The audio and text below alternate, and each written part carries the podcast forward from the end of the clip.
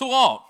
Eh, før jul her så var vi samla i, eh, i tilsynsråd. og vi, eh, vi hadde slags fokus på eh, året som kommer. Hva, hva, er det som ligger der? Hva, hva tror vi på en måte ligger i, i, lufta? Hva er det Gud vil gjøre? Og det var som at det på en måte forma seg en sånn liten sånn, nesten slags tiltale, opplevde vi, som helt enkelt sa 'løft blikket'.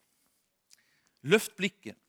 Og eh, jeg tenkte jeg skulle tale litt om, eh, om akkurat det i dag, og kanskje eh, en stund framover. Eh, for det er jo ganske stort. Løft blikket. Det er, det er nærmest liksom den kristnes liksom grunninnstilling og grunnholdning. Det er å løfte blikket. Og Jesaja han, eh, han sier så her i kapittel 40, så, så leser vi de her ordene hos Jesaja. Hvem vil dere sammenligne Gud med? Hva kan dere sette opp som ligner ham? Han, han taler til et folk som er liksom i, i, i vanskelige omstendigheter. Han taler om at Gud ønsker å fri de ut, frelse, helbrede, gjenopprette. Og så, og så er det som at det finnes innvendinger i lufta. Hvordan skal det her gå til?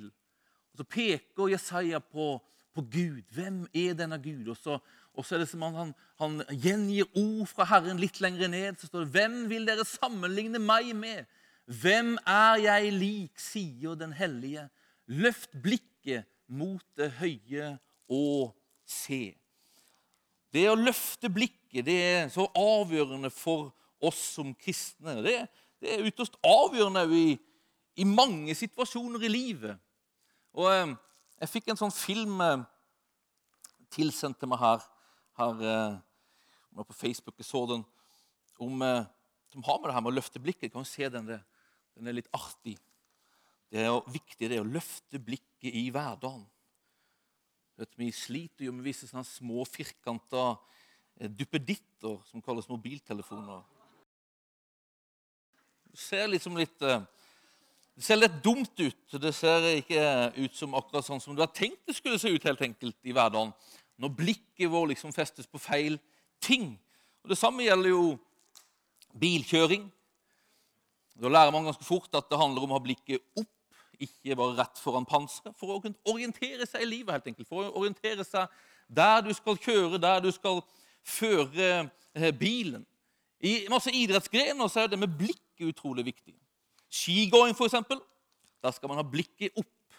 Hvis ikke blikket er liksom opp som en del av liksom grunninnstillingen i skigåing, så blir skigåing fryktelig tungt og det blir lite effektivt. Så man hele tiden løft blikket, løft blikket, løft blikket. I ryggsvømming skal man ha blikket faktisk festet i taket. Og så skal man ha ørene under vann. Visste dere det? Det er fryktelig tungt å ha blikket festet i taket og ha ørene over vann. Så man skal ha ørene under vann og blikket festa i taket. Det er en viktig del av livet, helt enkelt, det å ha blikket festa på rett sted. Og en, eh, en svensk eh, menighet, Jeg leste en sånn menighetsblogg som hadde denne overskriften. Jeg synes den var utrolig bra. Å være kristen er å se på Jesus. Det er som eh, skigåing med blikket opp. Det er den rette grunnholdningen i det kristne livet. Det å se på Jesus. Jeg tror det kristne livet har en sånn rekkefølge i det hva vi skal se på. Først så skal vi se på Jesus. Og så skal vi se på det som er rundt. Omstendighetene og menneskene rundt. For Det er bare når vi ser på Han, at vi kan leve livet vårt ut fra hans måte å se ting på. Hans måte å føle for ting på. Og hans måte å gjøre ting på. Men hvis vårt blikk faller bort fra Han og over på en slags overfokusering på oss sjøl, en overfokusering på menneskene rundt oss eller på de omstendigheter som er rundt oss, da blir etter hvert måten vi ser på, prega av det rundt oss mer enn det blir prega av Han. Vi skal se på omstendigheter, vi skal se på både oss sjøl og mennesker rundt oss, men først må blikket være festa på Han. Og egentlig så må det være festa der hele tida. Åssen går det til, da? Blir det ikke bare at man går opp og ser opp, Og Da blir det jo like dumt som, med, som å se ned i mobiltelefonen. Men det handler jo ikke om det fysiske blikket. Det handler om hjerteblikket ditt. Vet, hjerteblikket ditt kan være retta mot han hele tida. Hele tida. Det handler helt enkelt om at han må bli tydelig for du og meg i hjertene våre. Hjertene våre blikket festa på Jesus. Hva er det vi møter hos Jesus? Hva er det vi møter hos Jesus? Vi møter et blikk som sier noe, og vi møter på mange måter et veldig blikk. Sånn beskriver Johannes det når han ser den oppståtte Jesus i Åpenbaringen 1. Jeg snudde meg for å se hvem som talte til meg. Da så jeg sju lysestaker av gull, og midt mellom lysestakene en som var lik en menneskesønn, kledd i en fotsid kjortel og med et belte av gull om brystet. Hodet og håret hans var hvitt som hvit ull, eller som snø. Øynene var som flammende ild. Føttene som bronse glødet i en ovn, og røsten var som bruset av veldige vannmasser. I høyre hånd holdt han sju stjerner og fra munnen gikk det ut et skarpt, tveget sverd. Ansiktet var som solen når den skinner i all sin kraft, står det der. Det var det Johannes så. Det er ikke noe småtterier som man får øye på når man ser på Jesus. Men jeg tenkte jeg skulle stoppe i dag ved det at når vi ser på Jesus, så tror jeg først og fremst han vil at vi skal se hans blikk. Før vi ser alt det andre, så vil han at vi skal se hans blikk.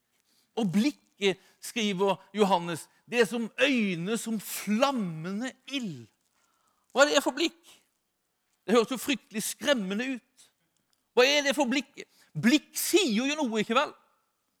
Man kan ofte se liksom, og I menneskers øyne ser man jeg ser at du er en god person. Jeg ser at du vil meg vel. Ser, altså Man ser ting i noens blikk. Og jeg tror man ser noe òg i Jesu blikk.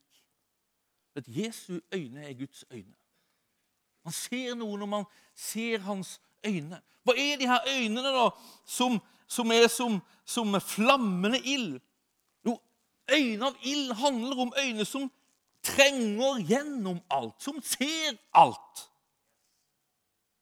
Er det et halleluja, eller er det noe skummelt? Det kan lett være noe skummelt. Hva er det denne ilden gjør? Fortærer den meg? Ødelegger den meg? Det er ikke noe selvfølge at man vil se inn i øyne som, som flammer av ild, eller øyne som ser alt. Vil vi møte en som ser alt? Jeg er ikke alltid like sikker, jeg.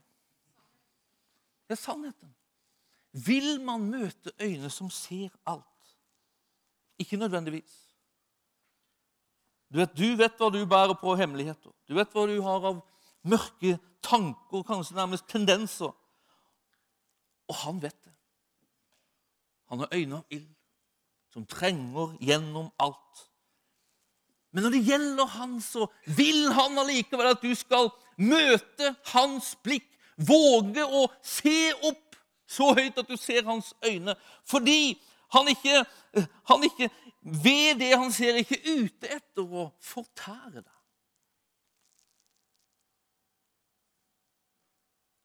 Paulus han skriver sånn her om Gud i Romerbrevet 8. som sier han så her Hvem kan anklage de Gud har utvalgt? Ja, Gud kan anklage hvem Gud har utvalgt. Men Gud er den som frikjenner, står det. Hvem kan da fordømme? Ja, Gud kan det. Men Kristus, sier han, han er den som døde. Ja, mer enn det, som sto opp igjen. Og mer enn det, som ber for deg. De øynene som ser alt med ditt liv, de er ikke ute etter å fortære deg. De er ute for å hjelpe deg. Ja, En gang kommer de øynene til å være involvert i dom som går over denne tilværelsen. Men nå i denne tida ser de øynene ute etter å frelse, hjelpe. De øynene ser etter det som er fortapt for å hjelpe det, føre det hjem. De øynene ser på ditt liv og det som ikke er som det skal være, for å hjelpe det, styrke det, lege det, rense det, gjenopprette. Han ønsker at du skal møte hans blikk, for hans blikk er fullt av det vi kaller nåde. Hans blikk er for deg. Hans blikk lengter etter deg og vil ha med du å gjøre. Hans blikk sier noe. Det sier 'Jeg vil ha du'. Og hans blikk sier 'Jeg vil være med du'. Og hans blikk sier 'Jeg vil hjelpe du'. Han ønsker at vi skal løfte blikket så høyt at vi ser hans blikk og blir trygge på hva det blikket sier til oss, og hva det sier om han. Det er så lett at blikket vårt faller. Det er så lett at skammen fører blikket vårt ned. Det er så lett at omstendighetene fører blikket vårt ned. Hva skjer når blikket vårt faller? Hva skjer når grunninnstillingen vår på en måte blir feil? Ja, I skigåing blir det fryktelig tungt, og i det kristne livet blir det lett fryktelig tungt. Og noe som lett sniker seg på, det er det vi kaller for motløshet. Motløshet. Og når Jesaja skriver til, til folket, så er det på en måte det han skriver om eller adresserer, det er en motløshet. Motløsheten har kommet inn. Folket er i fangenskap. Omstendighetene ser umulige ut. Fiendfolket er kjempestort og kjempemektig. Og her kommer Gud, her kommer profeten med ord om gjenopprettelse, om trøst, om frelse. Og så er det som at det fins en slags mottagelse som er sånn hm, Åssen skal det her gå til? Og så peker Jesaja på denne guden. Hvem er som han? I møte med dine omstendigheter, hvem er som han? Hvem er som han? Hvordan stilles liksom dine omstendigheter så, i møte med han? Og så leser vi det her. Som Herren sjøl sier så her Hvem kan måle opp vannet i sin hule hånd? Hvem kan måle himmelen med utspente fingre? Hvem kan samle jordens støv i et mål? Veie fjellene med vekt og haugene på vektskåler? Det er bare én som kan det. Og Det er han som, som står der med øyne som lyser av ild, som ser alt du bærer på, alt du står i, og som sier med sine øyne 'Jeg vil ha du'. Jeg vil være hos du, og jeg vil hjelpe du. Det er den Gud som står innenfor deg. Det er han du og vi tilhører. Det er han som inviterer oss. Løft blikket. Det er grunnposisjonen i livet ditt. Løft blikket. Løft blikket. Jeg syns det er veldig liksom, Og han legger liksom hva, hva er det for Gud, altså? Han måler himmelen med utspente fingre. I den svenske bibelen så står det at han, han spenner universet mellom sine fingre. Nå står det at Gud er ånd. Så jeg er ikke sikker på om han har en kropp. Men bildet handler om at en Gud som er utrolig stor. Vet du hvor stort universum er? Jeg vet at jeg har sånn Harald Avekjern-møter her for mange år siden. Han kjørte sånne stjernemøter. Men det er utrolig talende. altså. Og det er det Jesaja sier. Bare se opp. Se på skapelsen. Se rundt deg, og les åssen Gud er. Universum. Vet, universum det er 96 milliarder lysår stort, sier man at man har liksom observert universum. Det er ganske stort. det. 96 milliarder lysår. Det betyr at det tar lyset 96 milliarder år å ta seg herfra og ut til enden av det man har sett. Vet du hvor fort lyset går? Det går fortere enn du går. Lyset går 300 000 km i sekundet. Lyset tar seg rundt jorda sju ganger på ett sekund. Og Man har klart å observere, mener man da, 96 milliarder lysår ut størrelsen av vårt univers. Og det er Gud spent mellom sine fingre. Det står at han talte oss liksom, Han liksom talte, og stjernene ploppa opp. Det er nesten sånn det beskrives hos Jesaja. Det er en veldig Gud vi har med å gjøre. Åssen blir dine omstendigheter i møte med en sånn Gud? Det er ganske smått. Er det mulig for en sånn Gud å gjøre noe med dine omstendigheter? Og det er det. Det er hele poenget liksom Jesaja har. Kan denne guden hjelpe dere, sier han til Israels folk. Ja, han kan hjelpe. Og han vil hjelpe. Han vil hjelpe. Kan det som skjer, eller kan det som Gud lover, skje?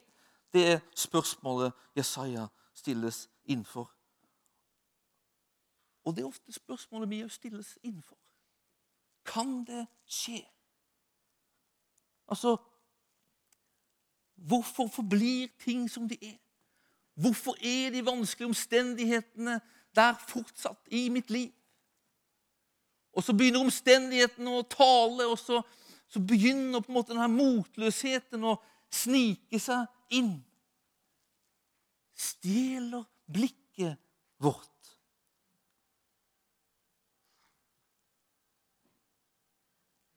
Og jeg tror liksom om vi ser rundt, om vi ser i våre liv og prater med folk rundt oss, så, så har vi alle sånne ting i livet som vi kjemper med. Vi kjemper med Jeg husker vi kjempa med å få barn. Jeg har pratet om det før. Og da husker jeg så her at det var utrolig mye skuffelse. Derfor at vi hadde liksom vi hadde satt vårt håp til Gud, og vi, vi, vi, vi gjorde vårt. Vi, vi hadde jo hatt biologi på skolen, så vi hadde lært hvordan barn kommer til. og vi... Vi leste brosjyrer om hvordan man kunne få hjelp, og oppsøkte hjelp. og Vi, vi hadde legeundersøkelser og brukte kalenderregninger. og Tida gikk. Og når tida går, og det blir vanskeligere og vanskeligere, liksom, så faller blikket. Det kanskje ikke gjør det for du, men det gjorde det for oss. Blikket falt. Motløsheten kom inn, og skuffelsen kom inn. Altså Alt vi hadde satt for lite, vi kobla på en måte alt til Gud. Hvorfor skjer det ikke? Hvorfor skjer det ikke? Og det gikk ett år, og det gikk to år, og det gikk Tre år. Og så kommer denne dagen når Sandra får det her profetiske ordet. Jeg vet ikke om dere husker jeg fortalte om det før. Leif Hetland profeterer og kommer med et sånt kunnskapsord som liksom bare Man forstår at her, her er Gud, altså. Og så sier han så her at 'Jeg hører bare ordet skuffelse'. Og Det var det eneste som måtte være oppfylt av skuffelse. Og vi var oppfylt av skuffelse. Og så, og, så, og så, kommer det her ordet. Jeg hører skuffelse. Men så kommer det her rare. Men jeg har ikke skuffa deg, sier Herren. Jeg har ikke skuffa deg.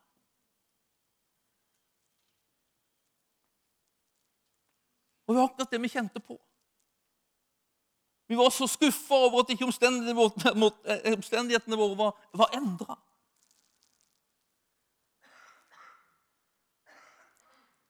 Men jeg har ikke skuffa deg. Hvem har skuffa oss da? Omstendighetene har skuffa oss.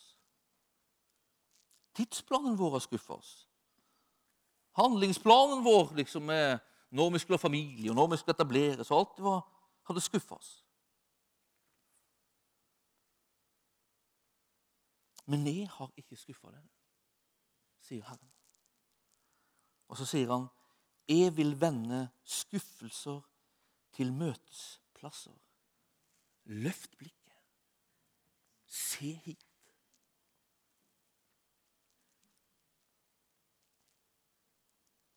Altså Det var som at han sa det er ikke dine omstendigheter du ser åssen jeg er. Det er ikke dine tidsplaner du ser åssen jeg er. Det er ikke på klokka du ser åssen jeg er. Men det er i mine øyne du ser åssen jeg er. Jeg vil vende skuffelser til møteplasser. I dine skuffelser, i dine møter med skuffelser, så vil jeg møte du. Når omstendigheter skuffer, når tida skuffer, klokka slutter skuffer, så betyr ikke det at jeg skuffer. Jeg vil møte deg der. Og husker For Sandra så gikk det, var det sånn halvannet års tid med fortsatt masse gråt og masse smerte. Men òg med masse tilbedelse og lovsang.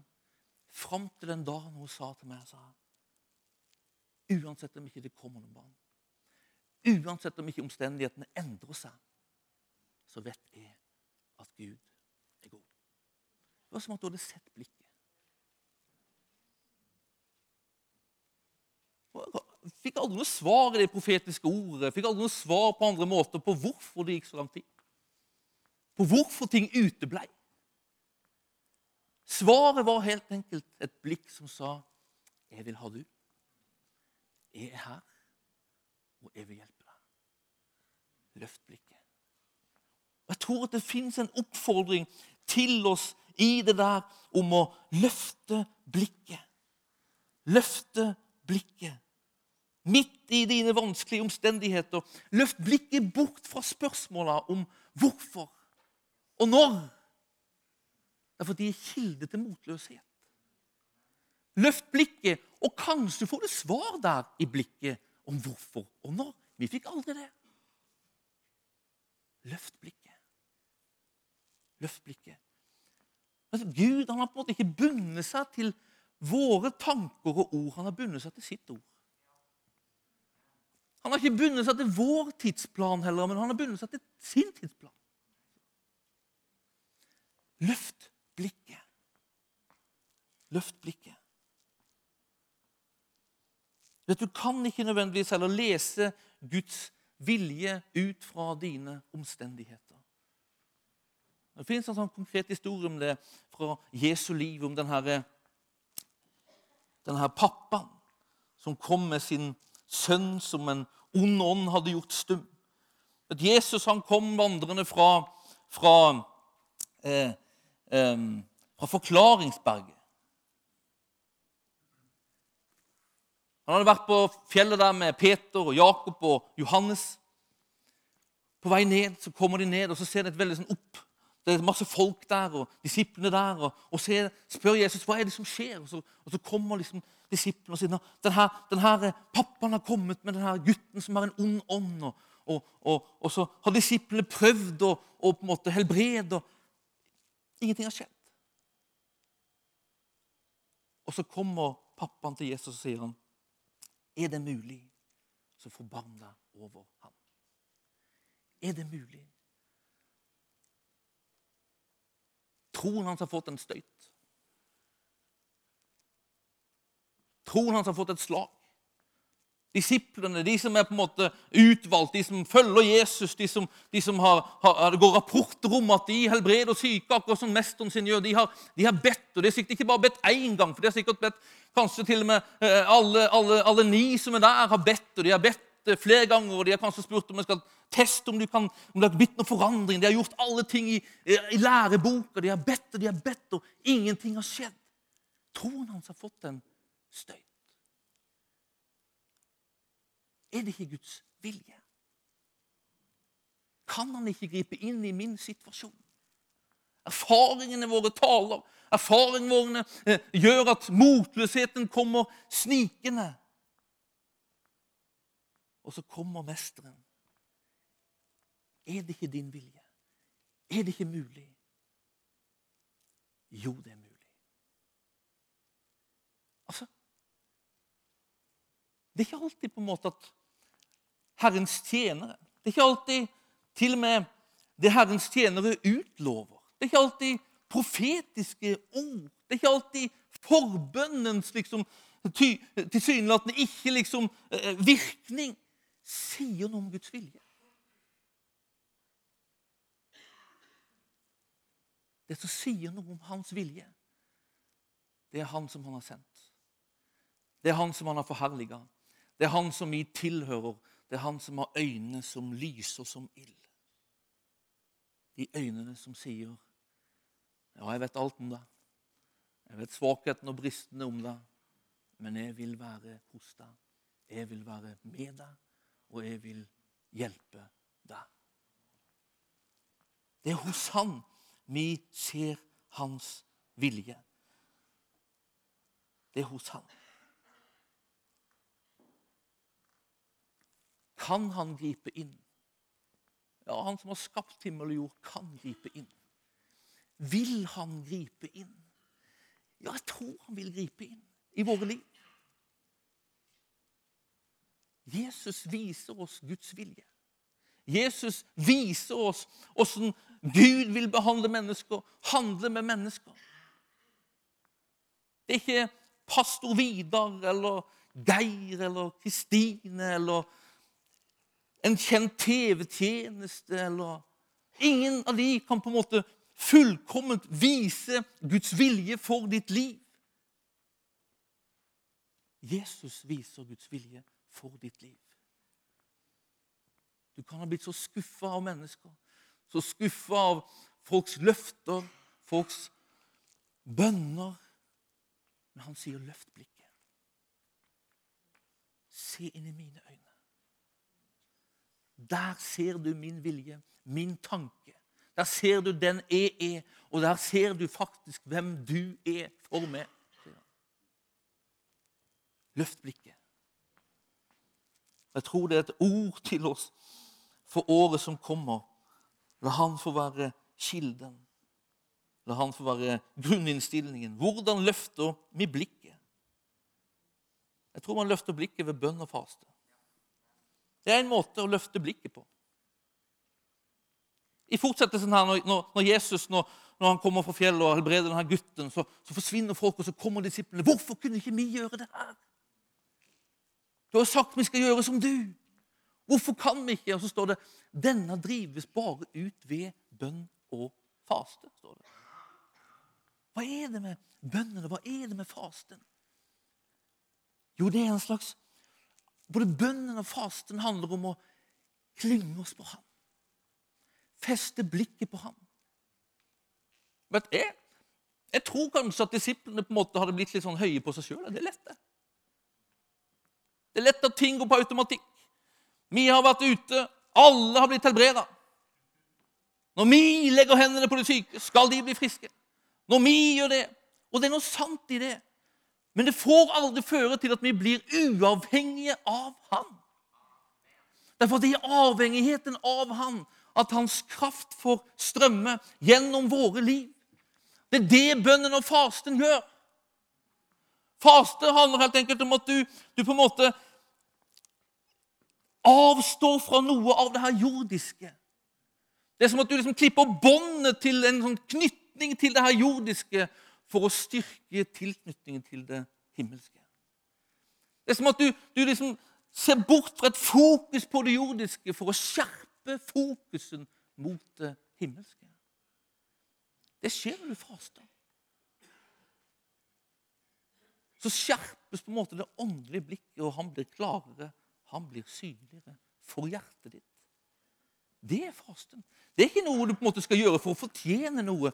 Det er noe som handler om det, det, er ikke noe du på en måte gjør for å manipulere han eller påvirke han. Du gjør det for å påvirke deg sjøl, ditt blikk, din avhengighet, ditt syn på han. Hvor tydelig og klart du ser han i livet ditt. Hvor mye av hans kraft som kan få strømme inn i livet ditt. Samme er med bønnen. Bønn og faste. Kanskje vi skal ha litt fokus på bønn og faste dette året. Bibellesning. Husker du ryggsvømmeren? Ryggsvømmerens grunnstilling det er med blikket løfta, men så er det med ørene i vannet. Bibelen prater om at Guds ord er som et sånn vannbad. Det er som vann. Du vet, Vi er kalt til å være ryggsvømmere. Blikket opp og ørene i vann. Det gjør at blikket festes. Det gjør at blikket festes uten at du må anstrenge deg så voldsomt. Altså Hvis en ryggsvømmer skal ha blikket festa i taket og hodet over vann, så blir det fryktelig tungt. Men hvis du kan hvile i vannet, under vannet, så er det lettere å holde blikket festa oppover. Bibellesning. Takknemlighet. Takknemlighet. Det er en sånn fantastisk gave. Takknemlighet. Hvorfor er takknemlighet så utrolig bra? Takknemlighet er sånn en fokusting. Det setter fokus på noe. Og ikke bare setter fokus på noe, men det setter fokus på noe med lupe. Husker Min gamle pastor han prekte hele tiden om takknemlighet, takknemlighet, takknemlighet. Han sa til og med så her til oss som ungdomsledere så sa han, dere må få ungdommene til å takke dere. Dere må få dem til å kjøpe julegaver til dere, ha avtakningsseremonier for dere. Ja, han sa det her. Ja, hvorfor da? Det ble bare pinlig, tenkte vi da. Hvorfor da? Jo, fordi da ser de hvem de har. Veldig sant, altså. Takknemlighet gjør at du ser hva du har. Og så takker du Gud, så ser du hvem du har. Takk Gud under alle omstendigheter, sier Paulus. Hvorfor da? Ikke takk for omstendighetene, men i alle omstendigheter. Hvorfor da? Jo, fordi da festes blikket ditt på Han. Når omstendighetene banker på og vil komme med motløshet og, og, og håpløshet og alle de her nedbrytende følelsene, så takker i Han. Så løftes blikket vårt på Han, og så ser vi hans øyne som sier, 'Jeg vil ha du'. Og jeg svikter ikke du. Jeg er med du, og jeg vil hjelpe du. Takknemlighet. Og det siste er fellesskapet. Åssen løfter vi blikket? Det fins et brev i Bibelen som kalles Hebreerbrevet. Det er skrevet til en gruppe kristne som er i fryktelige omstendigheter. Forfølgelse, det er press på alle kanter. Og det begynner og liksom blikket deres begynner å falle, og de begynner å gli tilbake inn i det gamle livet. Det, og så kommer det her brevet, og så er på en måte hele budskapet det er Se på Jesus. Husk på Jesus. Ikke la blikket falle. Og i det brevet så er det en sånn en, en oppmaning. La oss ikke holde oss borte når menigheten vår samles, som noen har for vane. La oss heller oppmuntre hverandre, og det så mye mer som dere ser at dagen nærmer seg. Løft blikket og hjelp hverandre med å løfte det blikket. Vi behøver hverandre som kristne. Vi behøver å oppmuntre hverandre, styrke hverandre, hjelpe hverandre det å løfte blikket. Vi har ulike omstendigheter. Noen har ganske gode tider. Andre har tøffe tider. Og Det er da Paulus sier så her i Galaterbrevet bær hverandres byrder. sier han. Vær der for hverandre. For det er ikke lett å løfte blikket midt når fjellene står over deg. Og Kanskje du føler som at fjellet liksom ligger oppå oppå der, presser deg ned, så er det ikke lett å løfte det blikket. Men da er vi kalt til å være der for hverandre. Til å løfte byrder og løfte blikket på hverandre. Vi tror på fellesskap. Vi tror på det her store fellesskapet. Vi tror også på de små fellesskapene. Vi starta et småfellesskap her i høst, og det er fantastisk, syns jeg. Og Det er sånn hjelp til å løfte blikket, vekke håpet hos hverandre og peke på Jesus. Se på Jesus.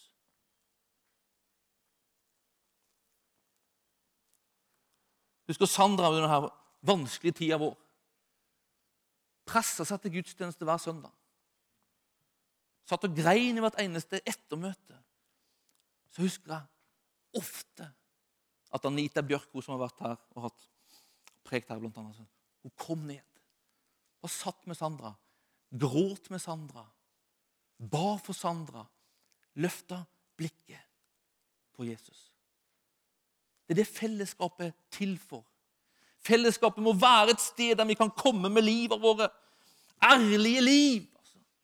Ærlighet med åssen omstendighetene ser ut, åssen vi kjemper. Med håpløshet og med motløshet. Det må være plass til det. Menigheten må aldri bli et fellesskap der man kommer for å vise fram en perfekt ytre fasade. Hvis opplevelsen blir av at her er det masse perfekte ytre fasader, og at folk er opptatt av det, da er det én ting som slår inn, og det er sammenligning. Sammenligning. Og Da begynner du å sammenligne ditt indre med noens ytre fasade. Det er dømt til nederlag. Det er dømt til nederlag. Og da holder du deg heller vekk fra et sånt fellesskap. Vi må skape et fellesskap der det finnes plass for ekte liv. Der vi gråter med hverandre.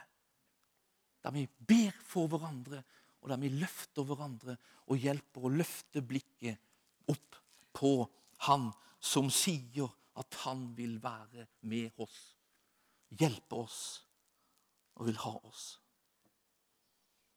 Jeg tror på det store fellesskapet, jeg tror på det lille fellesskapet, og så tror jeg på at vi er en stor familie sju dager i uka. Som ber for hverandre hvis vi påminnes om hverandre som sender SMS-er til hverandre hvis vi påminnes om hverandre. Bestem deg for det 2019. Hvis du blir påminnet om en trossøsken, så be. Og send en SMS som sier 'Jeg tenker på du i dag'. Lytt etter et ord fra Gud. En oppmuntring fra Gud. Send den. Send den. På den måten så kan vi hjelpe hverandre til å løfte blikket på Han. Løfte blikket på Han. Han som har sagt at han ikke kommer med motløshet, men kommer med kraft. Han kommer med kjærlighet, og han kommer med visdom. Han kommer med svar, og han kommer med hjelp. Selv om det ikke alltid er den svar og den hjelpen kommer akkurat når du kunne tenkt deg det, og ser ut akkurat som du kunne tenkt at den ser ut. Men han ønsker å si til du at du skal være trygg på at han er der. At han vil ha deg, og han vil være med deg, og han vil hjelpe